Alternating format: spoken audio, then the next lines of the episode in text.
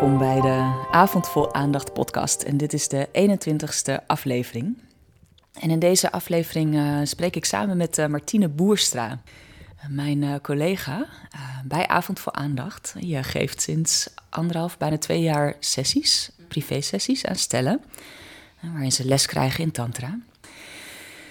Um, maar we werken ook samen voor het Centrum voor Tantra, waar we ook samen lesgeven soms, twee keer per jaar, hartstikke leuk. Um, en we zijn er ook nog echt vriendinnen. dus dit is echt een uh, enorme vreugde om samen te kunnen werken. Ik ben heel blij.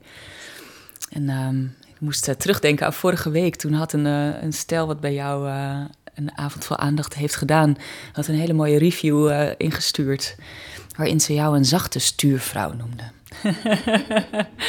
En dat is heel leuk, want ik ging die review op, uh, op de site zetten bij jouw profiel. En toen las ik ook de andere reviews.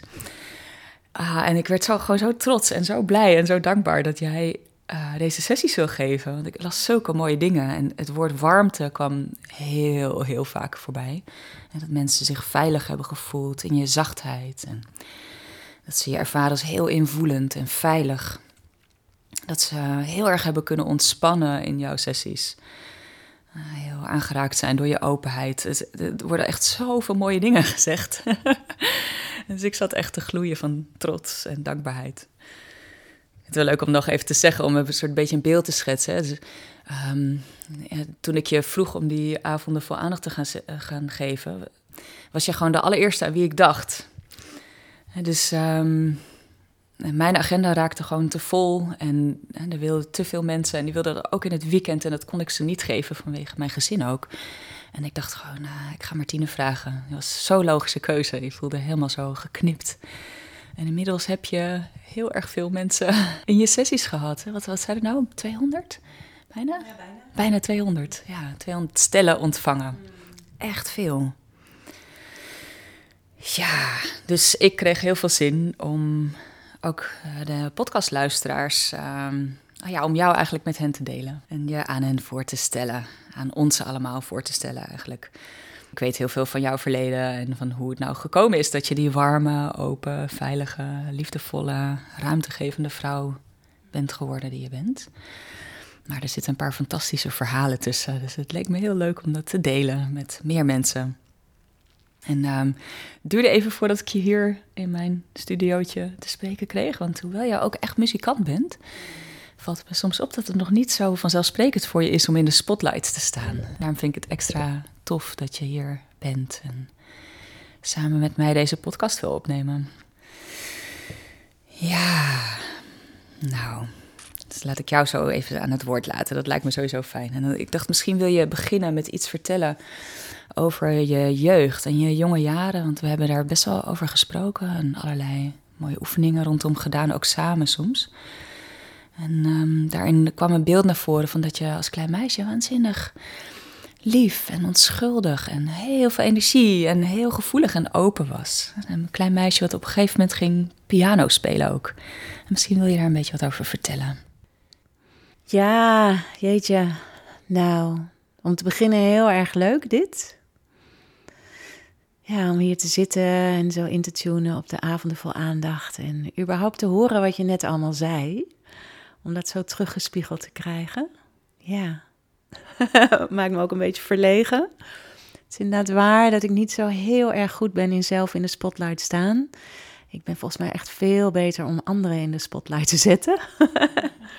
dat doe ik zowel eigenlijk in de sessies natuurlijk, hè, dat ik faciliteer en intune. Doe ik ook in wat ik met mijn muziek doe, dat ik echt mensen en groepen laat zingen. Dus ik ben daarin echt ondersteunend meer dan zelf in de spotlight. Maar toch ook heel leuk dit en ook heel leuk je vraag over vroeger. Ja, ik denk inderdaad, als ik zo terugga, als ik terugdenk zelf aan mijn jeugd en aan mezelf, dan kom ik altijd meteen bij een meisje van drie uit. Dat was net een beetje wat jij benoemde eigenlijk, denk ik. Ik was toen wel echt een heel schattig meisje, al zeg ik het zelf, ja.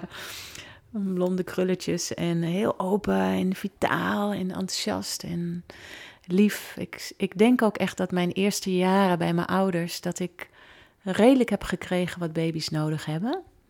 Qua liefdevolle aandacht, Ik zou het zelf nog anders doen, maar. ja, wat heel even ter sprake kwam eerder was inderdaad dat ik zo goed me kan herinneren dat ik als meisje van drie zo aan de hand van mijn vader liep. En dan zo mijn kleine handje in zijn grote hand.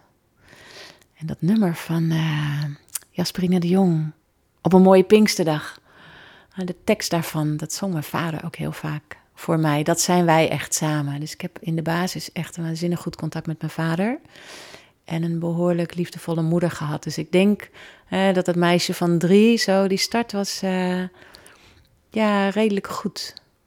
Dus daar was ik echt vrij en blij en sprankelend. En uh, wat maakte dat je op een gegeven moment uh, piano ging spelen? Want dat nam meteen een soort vlucht, hè, begreep ik. Ja, klopt ja. Ik ben al heel jong, eigenlijk al drie of jonger, dat mijn moeder doorhad dat ik heel muzikaal was. Dat ze niet verhaaltjes voor ging lezen s'avonds, maar dat we altijd een liedje gingen zingen voor het slapen gaan. En ik stond dan in de boxen al te dirigeren, de muziek te dirigeren als dat opstond. Mijn moeder was heel erg een uh, liefhebber van klassieke muziek. En ik ging dan meteen op de maat um, slaan in de box al. Dus toen had ik zoiets van, oh, dat is een muzikaal meisje. En op mijn vijfde belandde ik al bij een pianoleraar die niet zo heel fijn was. Dus dat werd ook meteen wel een beetje... Ik was ook een beetje bang voor hem eigenlijk. Maar ik ben wel echt vanaf mijn vijfde vol gaan piano spelen. En um, vanaf toen, jaar in jaar uit eigenlijk. En uh, in het begin ook wel een beetje dat het moeten was. Hè? En uh, niet alleen maar leuk. Maar ik weet wel heel erg in mijn puberteit, dus dat ze dan een stuk later al meteen. Zo mijn hele middelbare school was wel duidelijk dat ik daar echt talent voor had. En speelde ik gewoon een paar uur per dag.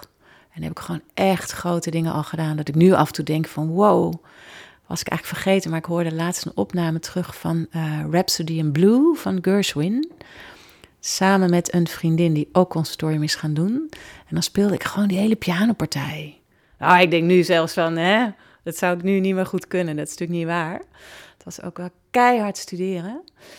Maar, nou ja, of meer van dat soort Chopin, Rachmaninoff dingen. Dat ik nu echt dacht, my god, hoe, hoe? dus dat vroeg wel echt uren per dag studeren. Dus naast mijn middelbare school waar ik gewoon ook braaf uh, veel werk voor deed. Eigenlijk was echt een heel braaf meisje. Daarna niet meer. Revenge kwam later. Maar tijdens mijn middelbare school was ik wel echt heel braaf. Ja, mijn huiswerk doen en uh, gymnasium ook nog, my god. En dan een paar, uur per dag piano spelen. Dus ik, was no ik zat nooit in de kroeg. Ik was nooit met um, anderen. Ik deed gewoon dit. Dus ik heb meteen een heel voortvarende koers ingezet eigenlijk. En wat de piano me heel erg heeft gegeven tijdens mijn middelbare schooltijd is het volgende. Dat heb ik heel helder. Uh, mijn familie was wel echt een familie waarin we niet makkelijk onze emoties lieten zien. En ik was wel echt een waanzinnig emotioneel iemand. Expressief ook, maar ik durfde dat niet goed te uiten. En dat kon vol zijn weg vinden in de piano. Dus daarom ben ik volgens mij ook zoveel gaan spelen. En ook vooral die romantische stukken. Hè, mijn favorieten waren toen al Rachmaninoff en Chopin. En daar kan je zo waanzinnig uitpakken. En je alles, je woede, je hartstocht, je liefde, alles kan daar gewoon vol in. En dat mocht totaal van mijn familie en van mijn hele surrounding. Daar stond de deur natuurlijk helemaal open. Daar waar ik de emoties niet vrij kon laten stromen, kon dat wel zo in de muziek. En die combi heeft volgens mij gemaakt dat ik zoveel ben gaan spelen. Dus het komt ook een beetje van een verdrietige plek, hè? Of een, of een ja, dat ik me ook een beetje tegen de muur voelde staan van ik kan niet leven wie ik ben. En daar kon dat wel. Dus die stroom vond gewoon helemaal daar zijn weg. En ik ging er dan ook heel hard voor werken om die stukken te kunnen spelen. Dus het was echt heel dubbel. Maar uiteindelijk kon ik het ook. En mijn meest favoriete stuk was dan de Revolutie-etude van Chopin. En uh, daarin klinkt in de ene hand de revolutie die op dat moment in Parijs gaande was, toen Chopin die schreef, in de linkerhand. En in de rechterhand klinkt zijn heimwee naar zijn geliefde in Polen, die hij net had verlaten. En dat is een, nou ja, een van die stukken die dan zoveel uh, oefening vragen eigenlijk. En dat ben ik gewoon gaan doen, omdat ik zo graag die hartstocht en die liefde van mij een plek wou geven in de wereld. Mm. En die vond dan deze plek, dus het is ook heel dubbel. Maar ja, dat betekent wel dus dat ik zo in de loop van de jaren op een heel hoog niveau uitkwam qua piano spelen eigenlijk. En dat daar uiteindelijk ook eh, Consortium Amsterdam, uh, dat het daarin uitmondde. Ja, het is heel dubbel. Het is ook altijd een beetje dubbel gebleven voor mij. Ja, het is interessant hè, om te zien dat waar we ons gaan uh, inspannen en waar we als het ware krampachtig worden, hè, zo in het piano spelen, dat er toch ook hele mooie dingen uit voortkomen. Hè? Dat het je is gelukt, ondanks dat je jezelf een beetje hebt moeten gaan verlaten. Maar dat je, het je wel is gelukt om deze stukken te spelen, wat iets heel unieks en bijzonders is. Als ik naar je bio kijk op de, op de Avond voor Aandacht website, dan staat daar een stukje over dat je naar Zuid-Amerika bent geweest. En volgens mij een hintje daarnaar als je zegt van uh, ja, dat haalde ik later wel in, hè, dat brave meisje. En je bent na je middelbare school ben je naar Zuid-Amerika gegaan voor een jaar, geloof ik. Hè? En heb je daar bij de Quechua-stammen gewoond. Ik ben heel benieuwd wat, wat, je daar hebt ervaren als meisje uit Emmen. Nou, inderdaad, of all places, Emmen. Lelijkste dorp van Nederland, volgens mij. Terwijl het stond ooit op één. Terwijl ik zo van schoonheid hou. Waarschijnlijk komt het daar vandaan.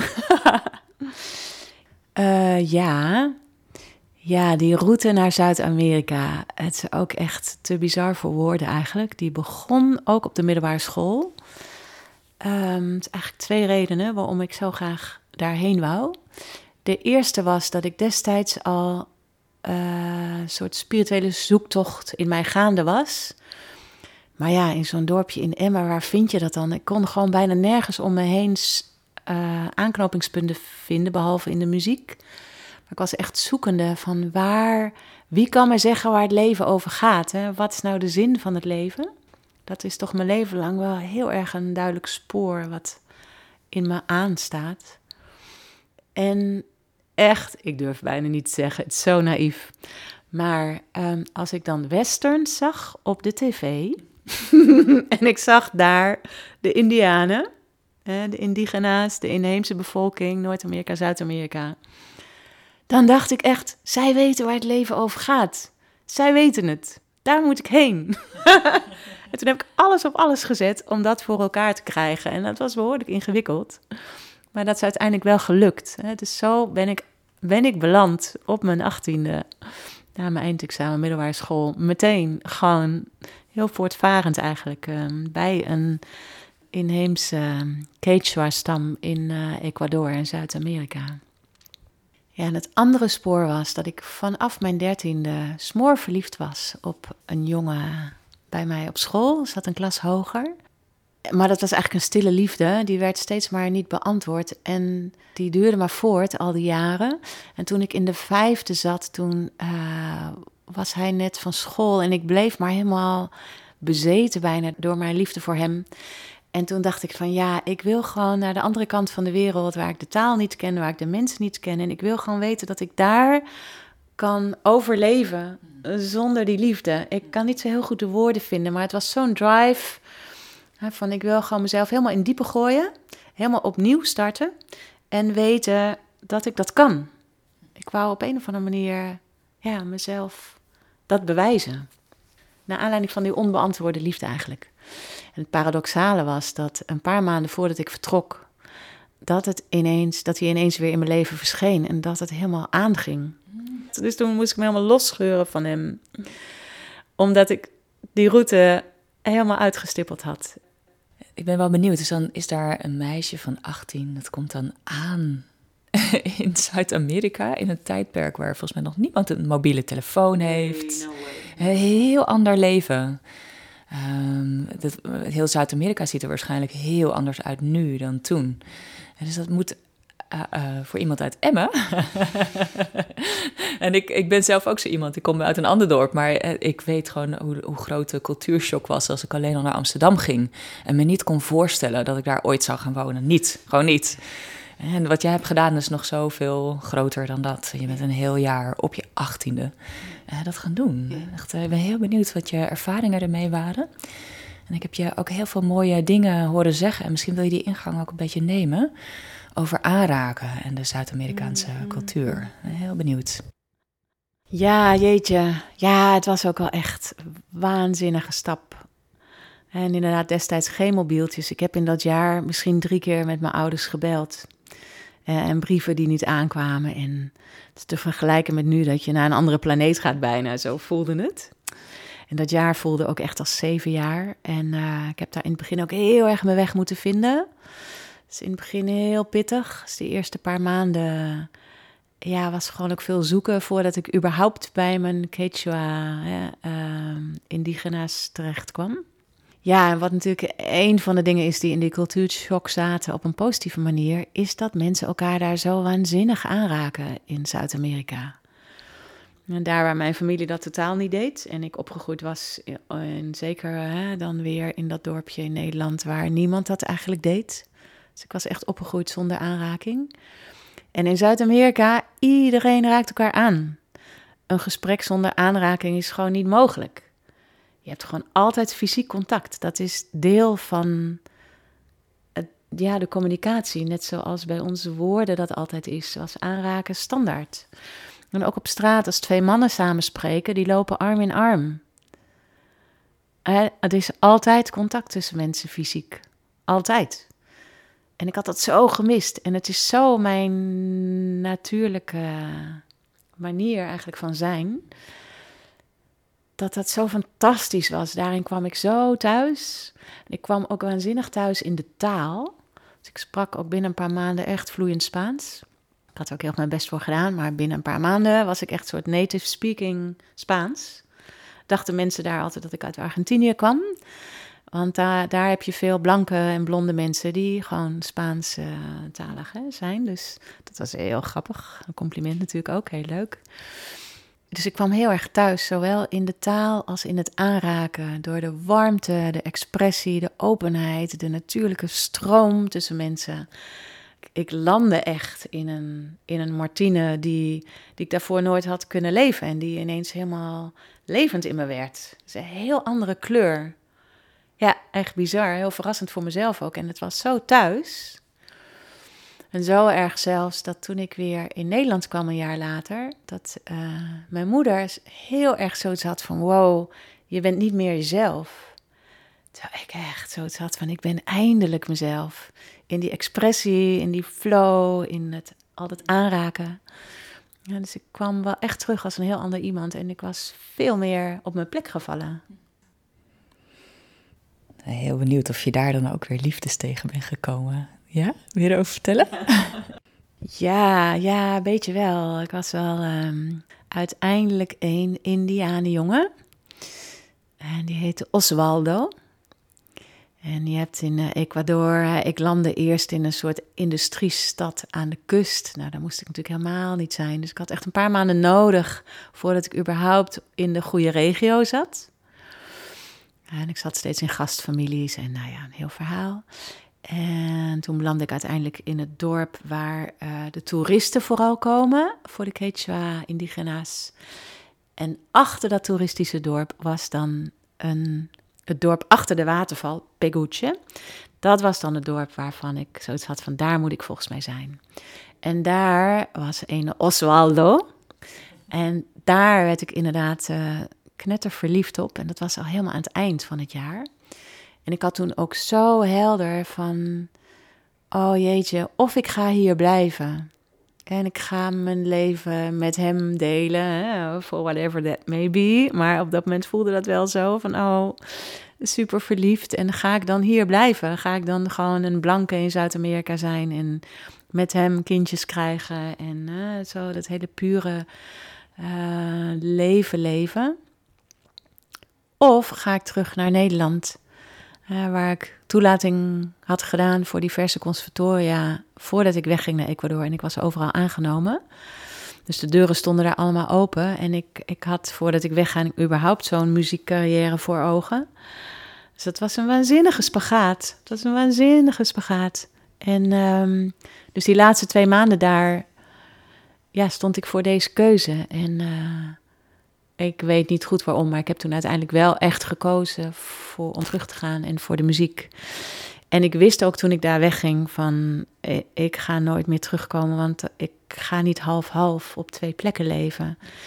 Dus ook die laatste dagen en ook mijn terugvlucht, ik was alleen maar in tranen. En ik voelde, ik heb toen heel helder de keuze gemaakt van, oké, dit is gewoon dag Oswaldo en dit is gewoon dag Ecuador. En ik ga helemaal terug naar Nederland.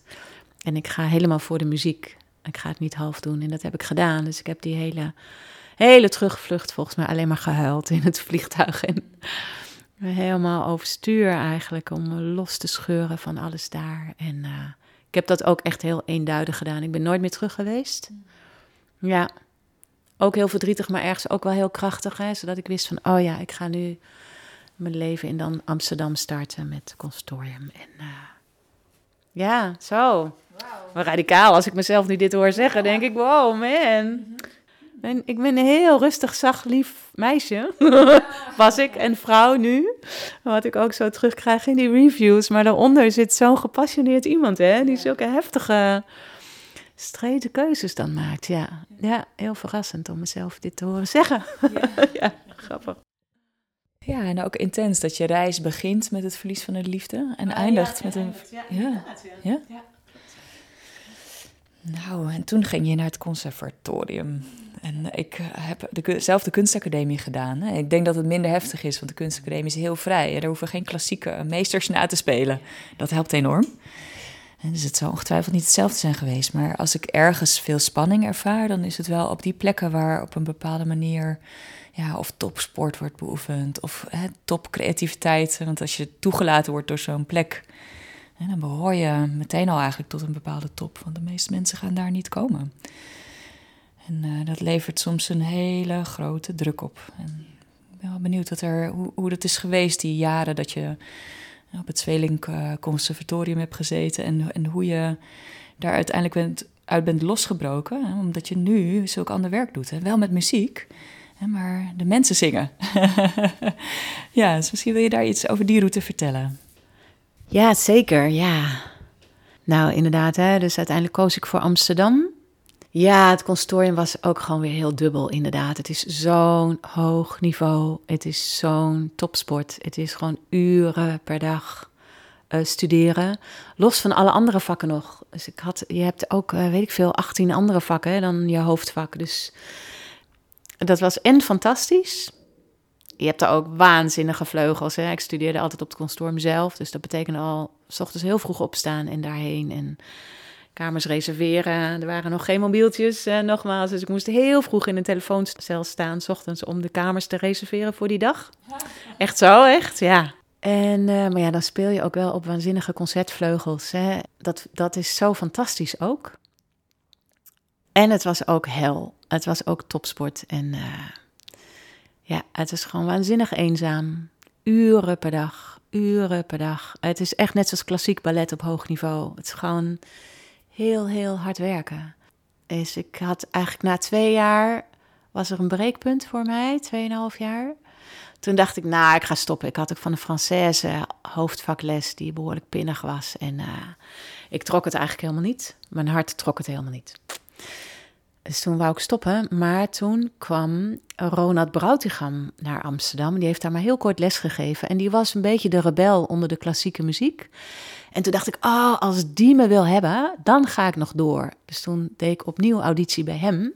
En hij nam me aan, inderdaad. Dus toen heb ik bij hem, uh, bij de gratie van dat hij, dat hij toen naar Amsterdam kwam, uh, ben ik bij hem verder gaan studeren. En uh, dan kon een beetje mijn rebellie daarin in kwijt, maar uiteindelijk ook niet echt. Dus ik was ook toch overwegend ook veel ongelukkig daar. Dus het was heel dubbel ik realiseer me gewoon, ik heb zelf ook na de kunstacademie nog een, een tweede studie gedaan. Niet omdat ik dat zo graag wou, maar omdat ik dacht dat het moest. Ja, een soort, soort, soort enorme druk vanuit, weet ik veel. Het is niet eens expliciet, maar een soort impliciet idee van je bent geslaagd als je die studie haalt en als je dat zo doet. Ehm, ja, dus ik denk dat veel mensen dit zullen herkennen en op hun eigen manier het conservatorium uh, hebben gedaan. Kan jij nog voelen van wat, wat nou maakte, wat jij dacht van wat, als ik dat nou doe, dan? Wat, wat was voor jou de, de bounty, zeg maar. Oh, wat was de bounty? ik zou zeggen, inderdaad, zoveel mensen komen toch door een studie soort van bedrogen uit misschien. Ja, of zo, dat had ik er toch ook wel een beetje. En dat is waar, dat hoor ik heel vaak van mensen. We hebben toch het idee, ik weet niet, de wereld ligt aan je voeten op een bepaalde manier als je studeert, als je maar hard werkt. Dat is zeker ook de modus in Nederland. je haalt je papier, eh, in welk vak dan ook. En daar ligt een grote belofte, ja. En die lag er voor mij ook. Ja, er ligt toch een grote belofte van. Ja, ik weet niet eens van wat. Alsof de bloem dan daarna open kan gaan. Ja, alsof de wereld dan aan je voeten ligt. Alsof het dan gaat stromen, alsof je dan iemand bent. Hè? Ons hele ego-structuur wordt natuurlijk ook heel erg gevoed door alle beloftes en diploma's. En ja, dat je toch denkt als jongvolwassene van, oh ja, als ik dit uh, behaal, als ik deze fase afsluit, ligt daarna de wereld aan mijn voeten. Ja, dan denk ik inderdaad dat dat voor heel veel mensen zo is. Ja, en dat iedereen op zijn eigen manier het conservatorium doet, zijn rechtenstudie doet, zijn wat dan ook, zijn business uh, diploma haalt, uh, arts wordt, welke richting dan ook. Je denkt, oké, dan ben ik er. En dan komt de volheid van het leven naar me toe. Nou, en in mijn geval komt er weer de behoorlijke rebellie in me op. Kwam. Ja. ja. Ja, in mijn geval. Dus toen ik uiteindelijk klaar was met het consortium, was ik best wel ongelukkig, inderdaad omdat ik zo in dat stramien had moeten zitten. En wat er gebeurde meteen daarna, ik deed de piano in mijn huis dicht. Het werd boekenkast. Ik zette de boeken op, zodat ik niet zomaar even kon spelen. Ik was zo ongelooflijk klaar ermee. En ik ging drummen. En ik had piano klassiek gedaan, hè? dus ik zat altijd in die klassieke hoek. Maar ik was ook uh, super ritmisch altijd. En ik had wel heel erg gelongd naar de uh, jazzafdeling. Die zat in een heel ander gebouw. Sterker nog, ik, had, ik speelde bijvak dwarsfluit. En ik had daar jarenlang meegelopen als dwarsfluitiste. In soort kleine ensembles omdat ik wou leren van hoe, hoe, hoe werkt dat nou, die geïmproviseerde muziek. Dat is zo'n andere tak van sport. Dus dat had ik wel een beetje meegekregen. En in een van die ensembles zat een drummer waar ik verliefd op werd. Ja, en toen ik afgestudeerd was, toen, toen heb ik die zomer daarna, uh, ben ik gaan drummen, les genomen bij hem. Sterker nog, ik gaf hem pianoles, hij gaf mij drumles. En wij drumden in uh, de sompige, hoe noem je dat, catacombe van wat nu volgens mij de Q Factory is. En daar had je gewoon van die grote hè, popstudio's waar je kon repeteren met een band. En ik ben links, dus ik drumde spiegelbeeldig aan hem. Dus we zaten tegenover elkaar, twee drumstellen. En het was precies spiegelbeeld. En ik pikte dat waanzinnig snel op natuurlijk met mijn hele achtergrond. We zaten gewoon uren per dag samen te drummen in de catacomben van de Q-Factory. Martine, geil. Nou, dus binnen twee, drie maanden kon ik waanzinnig drummen. En ben ik gaan drummen in een funkband. En ook nog met achtergrondzang erbij ik denk, piano vraagt heel erg je linker en hersen, rechter hersenhelft gecombineerd. Want drummen en zingen tegelijk, dat is best wel een ding. Maar dat kon ik heel makkelijk. Dus toen ben ik gewoon een paar jaar lang gaan drummen in een funkband. En de achtergrondzang gedaan. En, en dat was heel erg mijn rebellie naar het uh, klassieke consortium, ja. En ook dat ik het ritme en die vrijheid en de hele pop zien. En ja, dat wou ik gewoon ook allemaal ervaren. Dus dat heb ik toen gedaan ook. Leuk. Ik zeg soms wel eens tegen mensen dat de beste manier om een muziekinstrument te leren spelen is door te verliefd te worden op iemand die dat heel goed kan spelen. Zo heb ik ook gitaar geleerd in heel korte tijd. oh, ik weet het nog goed.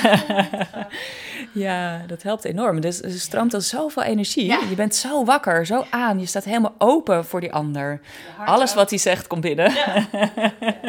Het makes sense. En dat wil je dan ook meteen heel goed kunnen. Dus er zit ook weer die drive achter om het goed te doen en de ander te laten zien en te presteren. Dus er komt er iets prachtigs uit voort, hoewel het ook gespannen is. Ja, zo is het. Dus wat me opvalt is dat je muziekcarrière langs heel veel verschillende soorten, ja, bijna landschappen heeft geleid. Dus eerst maakte je klassieke pianomuziek. En dan ging je dan een beetje die dwarsfluit bij doen in een jazzscene waar ineens uh, heel veel improvisatie was. Heel anders. Um, toen ging je drummen. en nu, als je muziek maakt, dan speel je vaak pia piano of eigenlijk uh, vleugel, concertvleugel het liefst, in een ruimte waar 30, 40, 50 andere mensen zijn die zingen. Dat is weer een hele andere situatie. Ik ben heel benieuwd, hoe is dat gekomen? Ja, toen ik On Storm deed, wou ik altijd eigenlijk het liefst zangeres worden. Ingewikkeld natuurlijk, net bij de Indianen geweest, piano klassiek, wat al je aandacht vraagt. En dan bijvak dwarsfluit jazz op de jazzafdeling en dan eigenlijk zangeres willen worden. Het is wel echt een uh, gecompliceerde route, anyway. Ja, ik wou gewoon heel graag zingen. Dus ik heb ook toen wel heel veel zangles uh, gedaan en uh, zangdingen als zijspoor gedaan. Dus toen ik afgestudeerd was, ben ik ook zang gaan studeren bij een zangeres in Tsjechië, een zigeunerzangeres in Tsjechië. En uh, toen ik daarvan terugkwam, die had zulke mooie nummers. Die ben ik toen meteen meer stemmen gaan schrijven. En toen ben ik een zigeunerkoor begonnen in Amsterdam. En ik had ook binnen een paar weken had ik meteen mensen die dat heel graag wouden. En dat was eigenlijk de start van dat ik ineens met koren werkte. En toen ging misschien wel mijn grootste passie op muziekgebied aan. Um, en dat is namelijk meerstemmig zingen. Gewoon grote groepen meerstemmig laten zingen. En als ik dan aan de vleugel zat hè, en zit, dan stroomt dat natuurlijk makkelijk door me heen, door die hele piano-achtergrond. Dus ik kan heel makkelijk een bodem en een power daarin bieden. En mensen meenemen. En op een of andere manier is meerstemmig zingen. Nou, dat is iets waar zo mijn hart van aangaat. Dat is iets waar je me wakker voor kan maken midden in de nacht. En dat is steeds maar weer ja, een van mijn allergrootste passies. Dus zo is de piano inderdaad uiteindelijk helemaal op zijn plek gevallen. En uh, nou, dat doe ik inmiddels al 25 jaar of zo, zingen met groepen. Daarin kom ik zo thuis en, en zit zo mijn hart en kan ik ook zo makkelijk mensen raken en mensen meenemen. Dus het materiaal wat ik gebruik in het zingen is heel simpel. Ja, ook als mensen niet gewend zijn om te zingen of geen muzikale achtergrond hebben, kan ik ze meenemen. En uh, ja, op een of andere manier ligt daar inderdaad mijn, uh, heel erg mijn ja, mijn hart, mijn ziel, mijn passie. En is daar eindelijk ook die piano tot rust gekomen.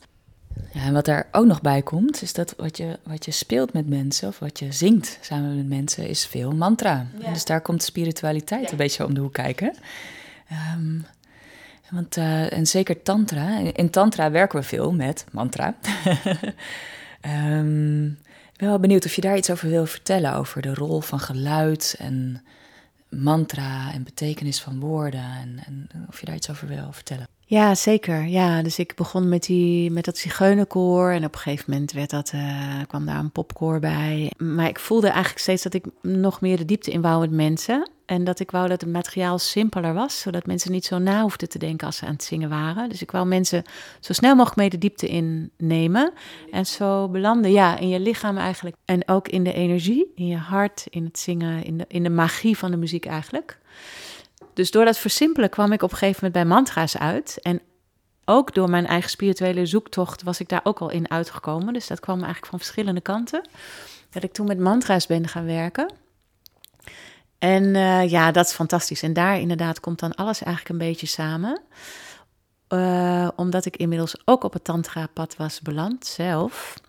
En al die dingen toen kon combineren binnen het Centrum voor Tantra. En uh, mantra's, de, de, basis eigenlijk van mantra's is de taal het Sanskriet. En het Sanskriet is een taal, dat noemen ze ook wel een brontaal waarbij de, uh, de resonantie van de klank de betekenis meteen in je lichaam plaatst. Dus er zit een hele diepere laag onder.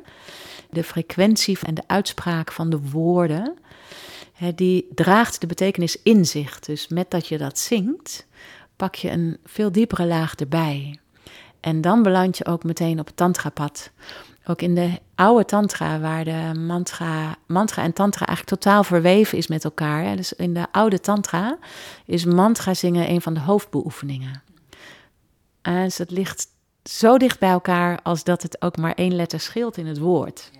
Dat weten mensen vaak niet, maar tantra en mantra is totaal met elkaar verweven in de, ja, in de oude tantrische tradities. Dus daar inderdaad hè, kwamen ineens heel veel dingen bij elkaar en komt er nog steeds. Dus mijn hele muziekroute, mijn spirituele zoektocht, de tantra. En daar vindt mijn ziel ook eindelijk pas rust. Dus met dat vuur waarmee ik naar die Indianen ging eigenlijk, hè, naar die Quechua-stammen in Zuid-Amerika. Vanuit die westerns, wat daar in me aanging van wie gaat mij vertellen waar het leven nou over gaat. Die hele zoektocht en al mijn kwaliteiten samen, die vindt nu pas eigenlijk een beetje ja, bodem en echt rust in mij. Ik zelf ook uh, zo fijn vind en ook heel erg aan die vorm van zingen die jij gebruikt. Want sommige tantrische mantra's zijn best een soort bot, hè, een soort cru. Uh, is helemaal niet mooi of iets. Hè? Die zijn trouwens ook te gek om, om uh, uit te spreken en die, die harde klanken te horen. Ja, wat jij doet is meer bhakti, hè, de devotionele mantra. Dus dat mag heel mooi zijn. En ik kan soms zo ontroerd raken als we samen zingen en verschillende stemmen ontstaan in het veld. En, en dat raakt elkaar soms precies goed. Dat is heel harmonieus. En dan, dan word ik ook nog aangeraakt door mijn eigen stem. En ja, het is heel heerlijk om te voelen eigenlijk. Dat ik dan iets in mij heel ontspant, loslaat, ontroerd raakt. Ja. Ja, dus dat aspect daarvan wil ik ook nog noemen. Het is niet alleen de betekenis van de klank, maar ook het zingen zelf, hè, wat zo verzacht. Ja, ja, dat is inderdaad een hele melodische richting binnen de mantra. Dat is vooral dan wat ik uh, doe. Ja, ja, ik denk de melodie, gewoon de essentie van muziek, dat mensen dat zo kan raken.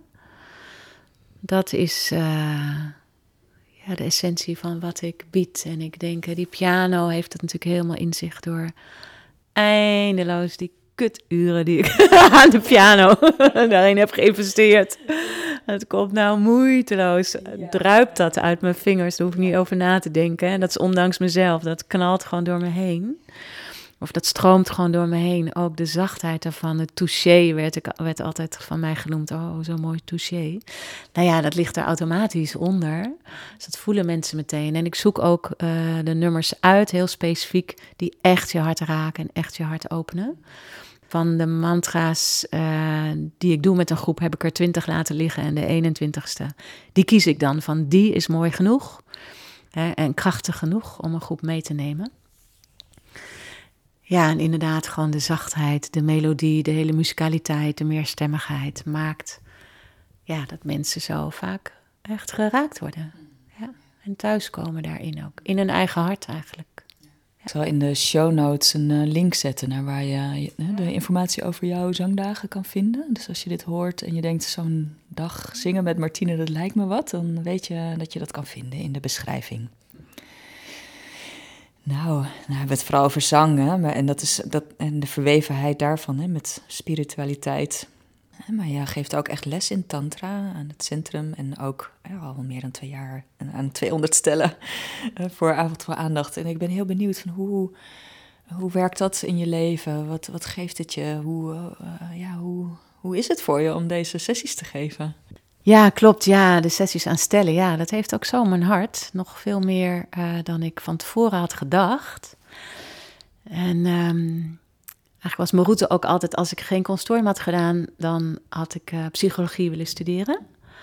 Dus ik was altijd wel heel erg met mensen, ik weet niet, in mijn hoofd bezig van hoe zit dat, hoe werkt dat, met mensen mee aan het stromen. En op een of andere manier valt het zo op zijn plek voor mij om uh, specifiek sessies aan stellen te geven ook. Ja, daar wil ik iets over zeggen. Wat meteen ook echt een ode is aan jou. en want Jeroen en ik hebben nu 18 jaar relatie. En zeker in het begin en nog steeds af en toe hebben we la echt lastige periodes. Zien we, zien we het gewoon even niet zitten soms. Komt gelukkig nu niet zoveel meer voor, maar we hadden dat heel, heel sterk. Hè? Dat we allebei dachten, hoe, hoe moeten we nu verder? En elkaar niet konden bereiken. En we hebben echt een heel aantal keer jou mogen bellen. En dan kwam je. en het enige wat je eigenlijk deed was samen met ons zitten en ons allebei evenveel ruimte en tijd en aandacht en liefde. En vooral aandacht, heel veel aandacht kregen van je. En ik voelde me zo gehoord en gesteund door je. En Jeroen ook. Dus je kon daar echt voor ons allebei daar zijn. Dus het is niet zomaar een beetje, je was niet zomaar een beetje de eerste aan wie ik dacht toen mijn agenda te vol werd. En uh, ik voelde van nou, of ik moet heel veel mensen teleur gaan stellen, of ik ga kijken hoe ik deze rijkdom die op me afkomt uh, beter kan kanaliseren. Naar jou, in dit geval gelukkig. Ja, dus dat, kwam heel erg uit eigen ervaring. En hoe helend het was voor mij om, en voor ons om jou af en toe in onze relatie te hebben. En dat is ook wat ik teruglees in, de reviews van de stellen. Die schrijven over heling. Echt letterlijk, die woorden worden gebruikt. Ja, ik weet ook niet, zo, niet heel precies misschien waar dat vandaan komt, maar dat is zeker zo. Ik, ehm, ja, in de sessies ik, ik stap eigenlijk de relatie in van die twee mensen en ik tune helemaal op allebei in. En ik word gewoon heel blij van met hun meestromen. En ik weet niet, inderdaad, heel veel ruimte geven. Kijken wat, wat is daar? Of wat is daar nodig? Of wat gebeurt daar? Ja, ik, uh, ik moet denken aan dat ooit een vriendin van mij zei. Hè, ik heb meerdere relaties gehad en die zei van de algemene deler in jouw uh, vriendjes is eigenlijk dat ze een beetje maf zijn ook. En ik merk dat ik heel erg voorliefde heb voor daar waar het net out of the box is. En ik denk, en ik hoor heel vaak terug dat ik zo weinig oordeel heb. Ik denk dat dat daar vandaan komt. Ik hou er gewoon heel erg van dat iedereen precies kan zijn zoals die is. En vooral daar waar het een beetje maf is of buiten de gebaande paden. Misschien komen daar de indianen dan ook weer langs.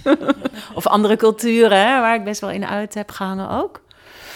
Um, ik weet niet, dus ik, ik, en, mijn hart gaat gewoon altijd aan voor beide. Ook al zitten mensen misschien op een heel andere plek. En mijn hart gaat ook altijd aan voor dat zij samen weer op een gemeenschappelijke grond kunnen komen. Hè? Daar waar het soms lastig kan zijn tussen mensen. Ja, ik weet niet goed, maar daar heb ik inderdaad een heel groot vuur in mij voor. Ik vind dat superleuk. Ik word er heel blij van. Ik word er heel ontroerd van. Ik ga erop aan. Als ik moe een sessie inga, kom ik er weer gecharged uit. Ik weet niet zo goed wat het is, maar daar ligt waanzinnig mijn hart ook. En soms denk ik, ik ben opgegroeid met een broer en een zus. Mijn broer zat vlak boven mij. Dus toen ik geboren werd, was hij niet blij met mij. En hij was wel heel blij met mijn zusje, wat een paar jaar na mij kwam. Hè. Dus zij hadden meteen een bond van het begin af aan. Dus ik ben een soort van opgegroeid ook met een relatie naast me. En ik kan heel goed met allebei vinden. Hè, maar ik voelde me ook wel vaak een beetje erbuiten staan. Dus daar zit ook een verdrietig kantje aan. Maar er zit vooral ook een enorme kracht in. Dus ik voel altijd, zodra ik met de stel ben, dan ben ik weer thuis. Dan ben ik weer met mijn broer en mijn zus die samen zijn. En ik heb gewoon mijn plek daarnaast. Dus ik val ook op een soort hele natuurlijke plek dan. Ik, ik moet daar ook nog meer over nadenken. Maar er is echt iets in me wat zo blij wordt van die sessies. En dat er ook een soort kundigheid of expertise in me aangaat. Die kan ik echt voelen. Zonder dat ik zo heel concreet weet waar die nou eigenlijk vandaan komt. Maar het is wel daar. En vooral de, de, de blijdschap die altijd maar weer ja, in me aangeraakt wordt in die sessies. Het is wel verwonderlijk. Ik, ben zelf ook verwonderd als ik dit zo benoem. Maar dit is inderdaad wat er gebeurt. Ja, mensen zeggen ook heel vaak: dit is echt een blessing. Deze sessie was echt een soort blessing ritueel voor onze relatie. En uh, het voelt ook altijd alsof vrienden de deur uitgaan. Ik ben echt even in hun leven geweest als uh, iemand die heel dichtbij was, als vriend, als vriendin dan, hè, die heel dichtbij was. Nou, ondertussen is aanraken ook nog steeds een heel belangrijk aspect in je leven. En hoewel je inmiddels geen uh, aanraakpraktijk of massagepraktijk, zoals je het waarschijnlijk genoemd hebt, meer hebt, is de Kashmiri-massage wel echt een van je grote liefdes. En dat is iets waar we ook nog een keer een podcast over willen maken, omdat het echt een onderwerp is wat uh, volledige aandacht verdient. Maar misschien wil je daar ook nog iets over zeggen, over ehm, de kracht van aanraking in je leven op dit moment. Hè? Gezien je jeugd met heel weinig aanraking, toen de Quechua-Indianen, toen... Waar ben je daarmee op dit pad? Ja, aanraken, ja. Aanraken inderdaad ook een grote liefde van mij. um, dus ik heb inderdaad ook nog een hele massageroute gelopen in mijn leven. En de essentie daarvan, denk ik wel altijd echt, is ook het pianospelen geweest. Uh, dat ik vanaf zo jong heel erg geleerd heb om eigenlijk mijn hart te vertalen naar mijn handen. Piano spelen is natuurlijk heel erg je hart omzetten via je handen in klank. En op een gegeven moment was ook piano spelen of masseren was eigenlijk een beetje hetzelfde. het lag heel dicht bij elkaar. Dus van daaruit had ik op een gegeven moment ook een afslag naar uh, massageopleiding en massagepraktijk. En mijn liefde voor aanraken is, is heel groot ook, ja. ja. Daar vallen natuurlijk komen ook heel veel dingen samen.